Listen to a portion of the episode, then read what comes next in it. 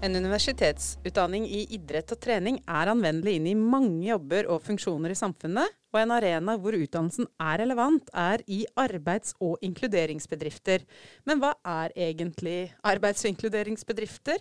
Hvorfor er vår utdannelse relevant her, og hvordan ser en arbeidshverdag ut i slike bedrifter? Velkommen til denne episoden av Trenerstudenten. Jeg heter Solfrid Bratland Sanda. Jeg er professor i idrettsvitenskap og fysisk aktivitet og helse ved USN studiested Bø. Og denne episoden har fått tittel Arbeidslivspraksis arbeids- og inkluderingsbedrifter. For å belyse dette temaet så har jeg fått med meg Lill Katrin Nyhus. Du er tidligere student hos oss her i Bø, og du har jobba i arbeids- og inkluderingsbedriften Idea kompetanse i ni år. Velkommen til deg. Jo, takk for det. Hva er en eh, arbeids- og inkluderingsbedrift, eh, Lill?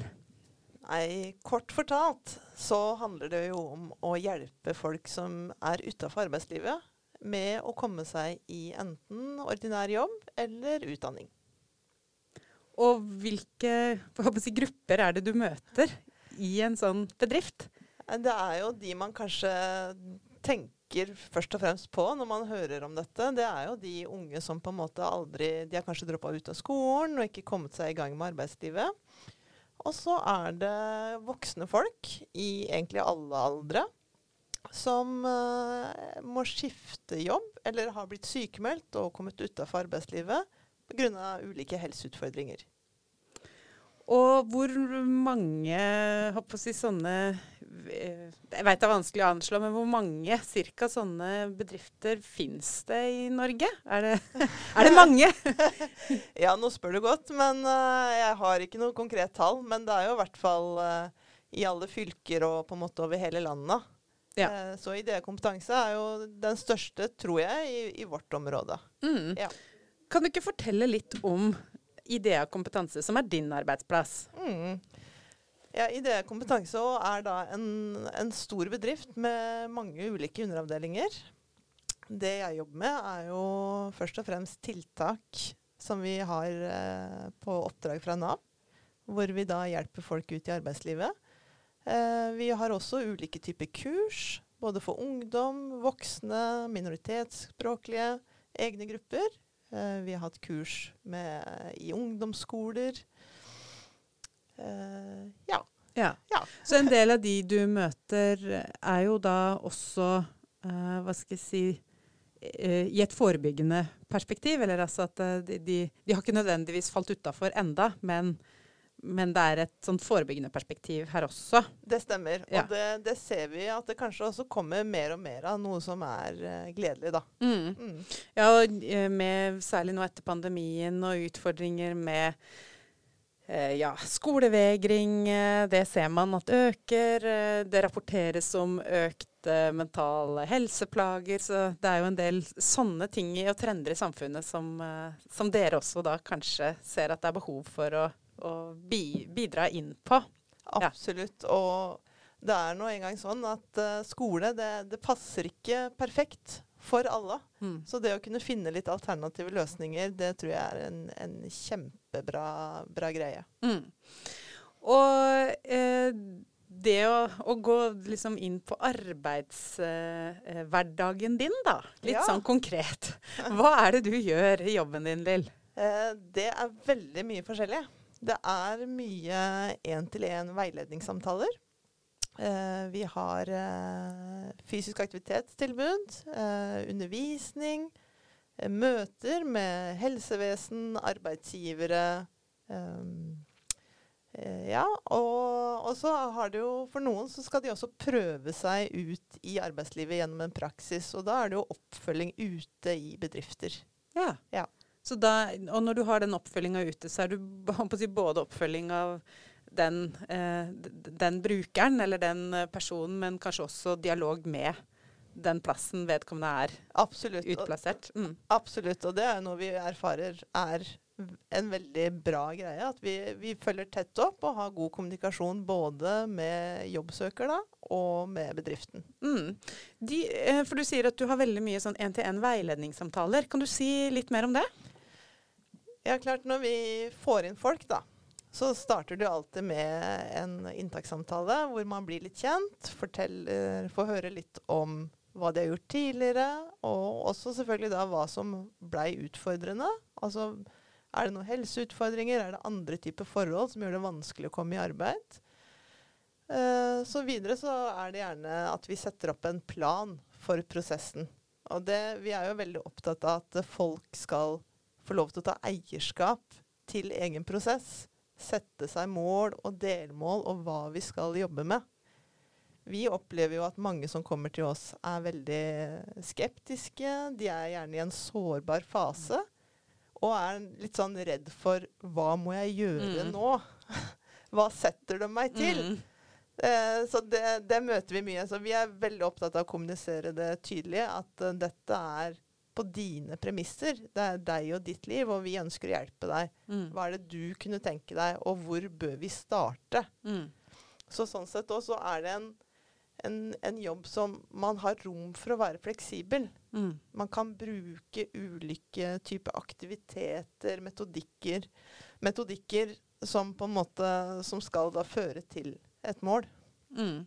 Og dette her er jo, for de som allerede er uh, trenerstudenter, så er jo dette ting de kjenner igjen. At det er uh, uansett om du jobber uh, mot utøvere, eller om du jobber mot andre, si, barn, unge, voksne, eldre, eller om du jobber inn mot mot eh, spesielle brukergrupper som, som har ulike eh, helseutfordringer da, i ulik grad, mm. så er jo nettopp det at eh, det, det er ikke vårt prosjekt, men Nei. det er den personen sitt.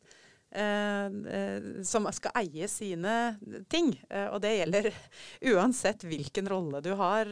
Og, og, og, det å, å, holde fast ved det, da. Og, og det, det veit vi jo fra forskning at det er det som er virkningsfullt. Uh, vi kan jo, fordi uh, Du sier at du bruker mange forskjellige metodikker og, og tilnærminger. Mm. Uh, kan du nevne noen av disse Du nevnte jo fysisk aktivitet litt i stad. Det, det, er det jo naturlig at vi snakker mer om. men kan du, kan du nevne litt disse ulike metodikkene? Ja, og da kan man jo ta på en måte fra det ene, det ene ytterpunktet hvor man får inn en person som er veldig klar for å komme ut i jobb, og trenger kanskje bare litt hjelp med CV-skriving, søknadsskriving, eh, intervjutrening, sånne type ting.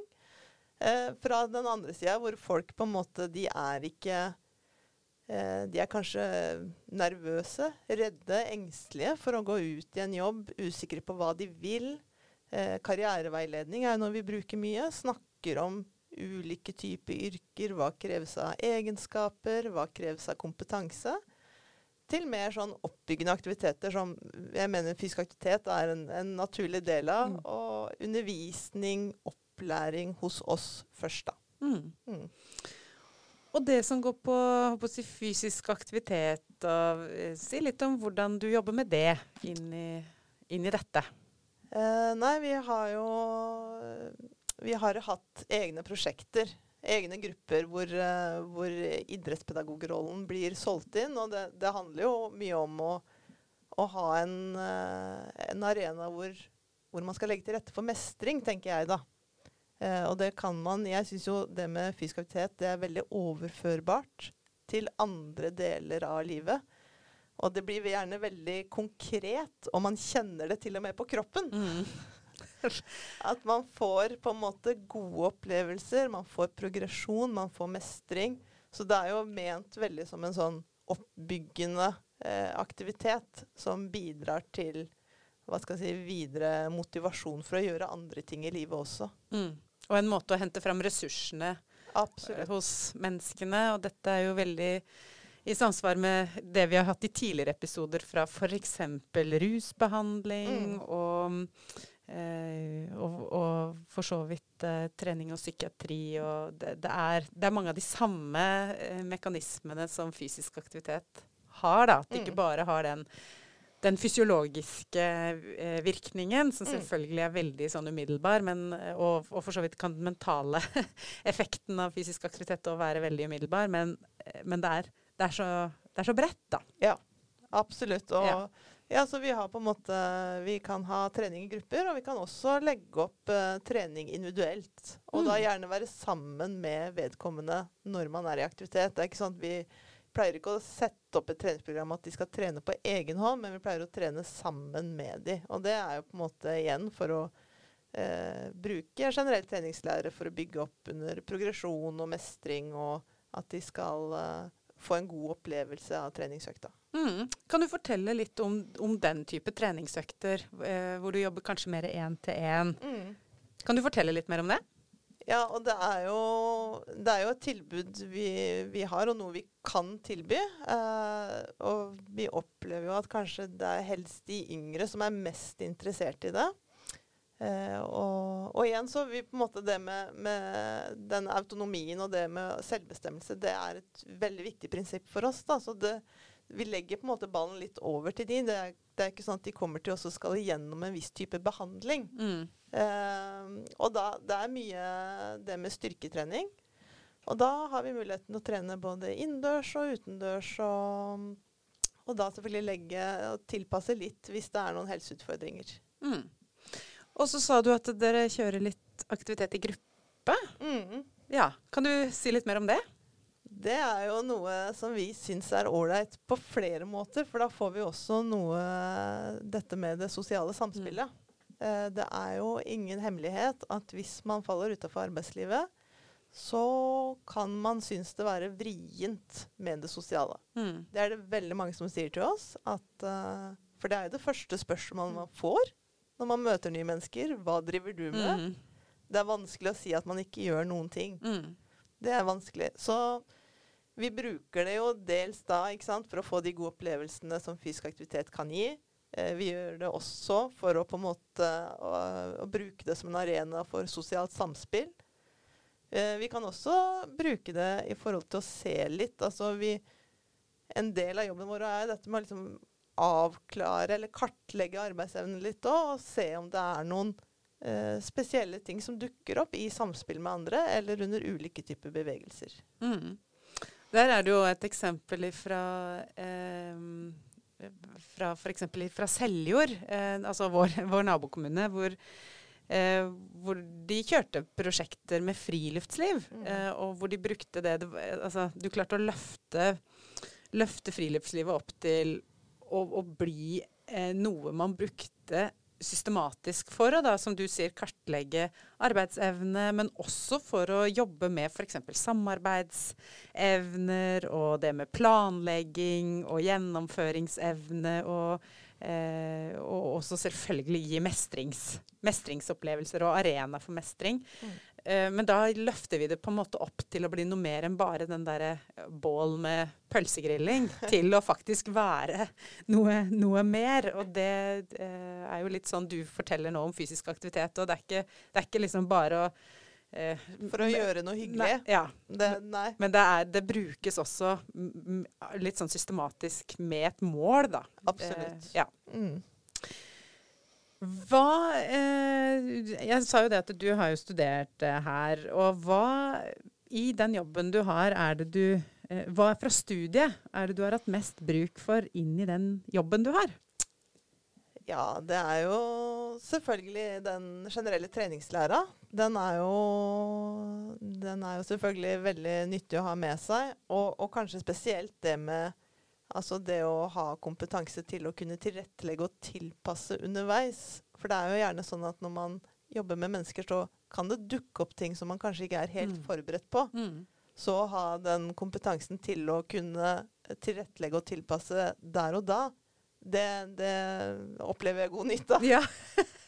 Og så tenker jeg jo at det er eh, Det jeg satte veldig pris på med studiet, var jo det at vi hadde en del praksis. At vi var ute, og vi traff personer. Mm. Og vi fikk lov til å både prate med dem og trene dem. Mm. Eh, fordi mennesker er jo veldig uforutsigbare og veldig forskjellige. Og man blir aldri utlært. Mm. Men å ha hatt noen erfaringer først sjøl, Mm. det har vært veldig, veldig bra. Mm. Og I tillegg så vil jeg trekke fram det med at motivasjonspsykologi, mestring, veiledningssamtaler, det også er ting vi har hatt på studiet som kommer til god nytte. Mm. Og det er jo noe man kan eh, ha bruk for i veldig mange ulike typer jobber. Altså, Absolutt. alle jobber hvor du møter mennesker, og hvor du jobber med mennesker, så er det å kunne de tingene veldig anvendelig, da. Mm. Hvis jeg kan utfordre deg på å si noe om hva er det, hva er det beste og hva er det verste med jobben din?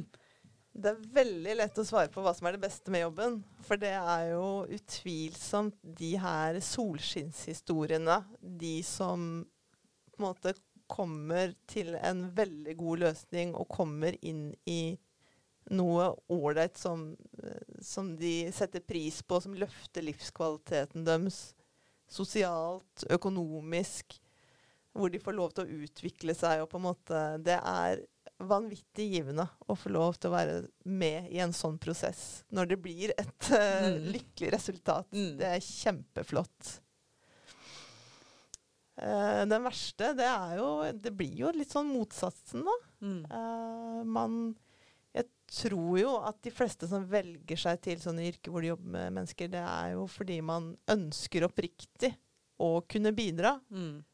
Uh, og da er det jo frustrerende og leit når folk kanskje tar lite konstruktive valg, mm. hvis det er lov å si mm. det på den måten. Mm.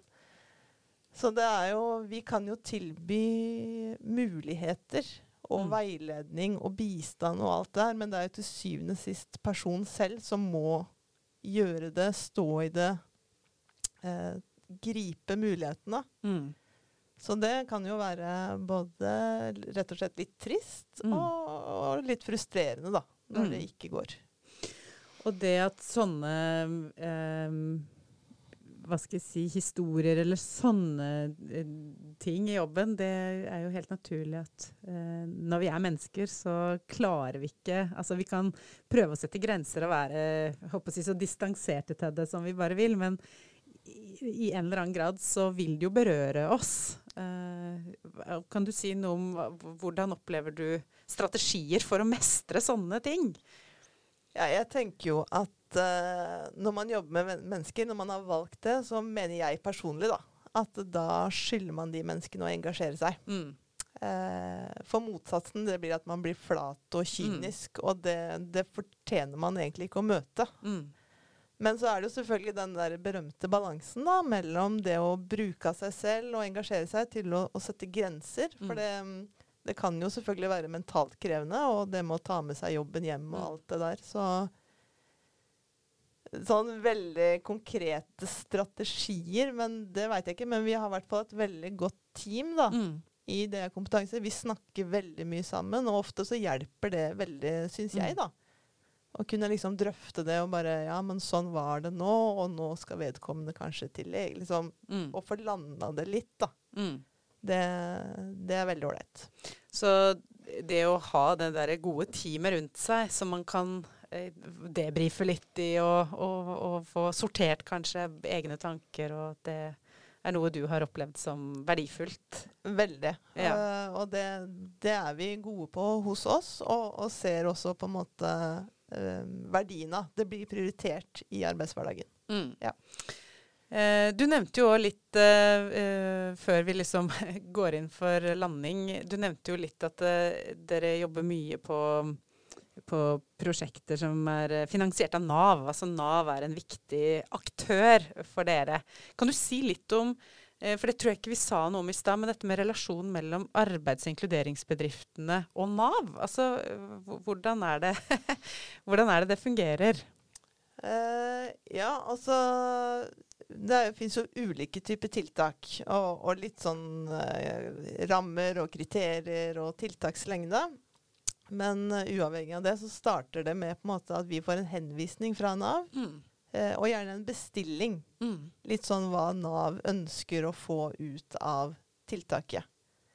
Uh, og den kan jo selvfølgelig endre seg etter hvert, men det er på en måte den vi tar utgangspunkt i. Mm. Og da går vi, igjen, går vi, jo igjennom den sammen med jobbsøker uh, for å sjekke om vedkommende er enig, da.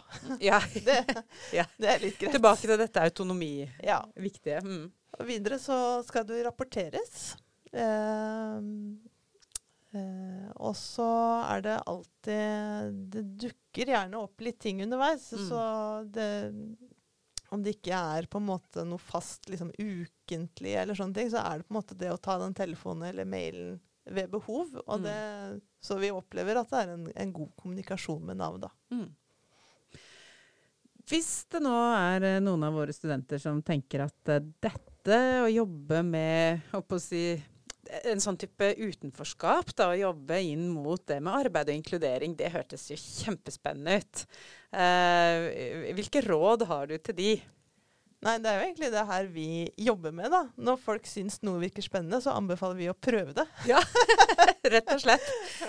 Eh, det har dere jo muligheten til i studiet, tenker jeg. Så mm. ta gjerne kontakt, enten med oss eller med andre, eh, og, og test litt. Mm. Jeg visste veldig lite om den bransjen her når jeg fikk jobben min.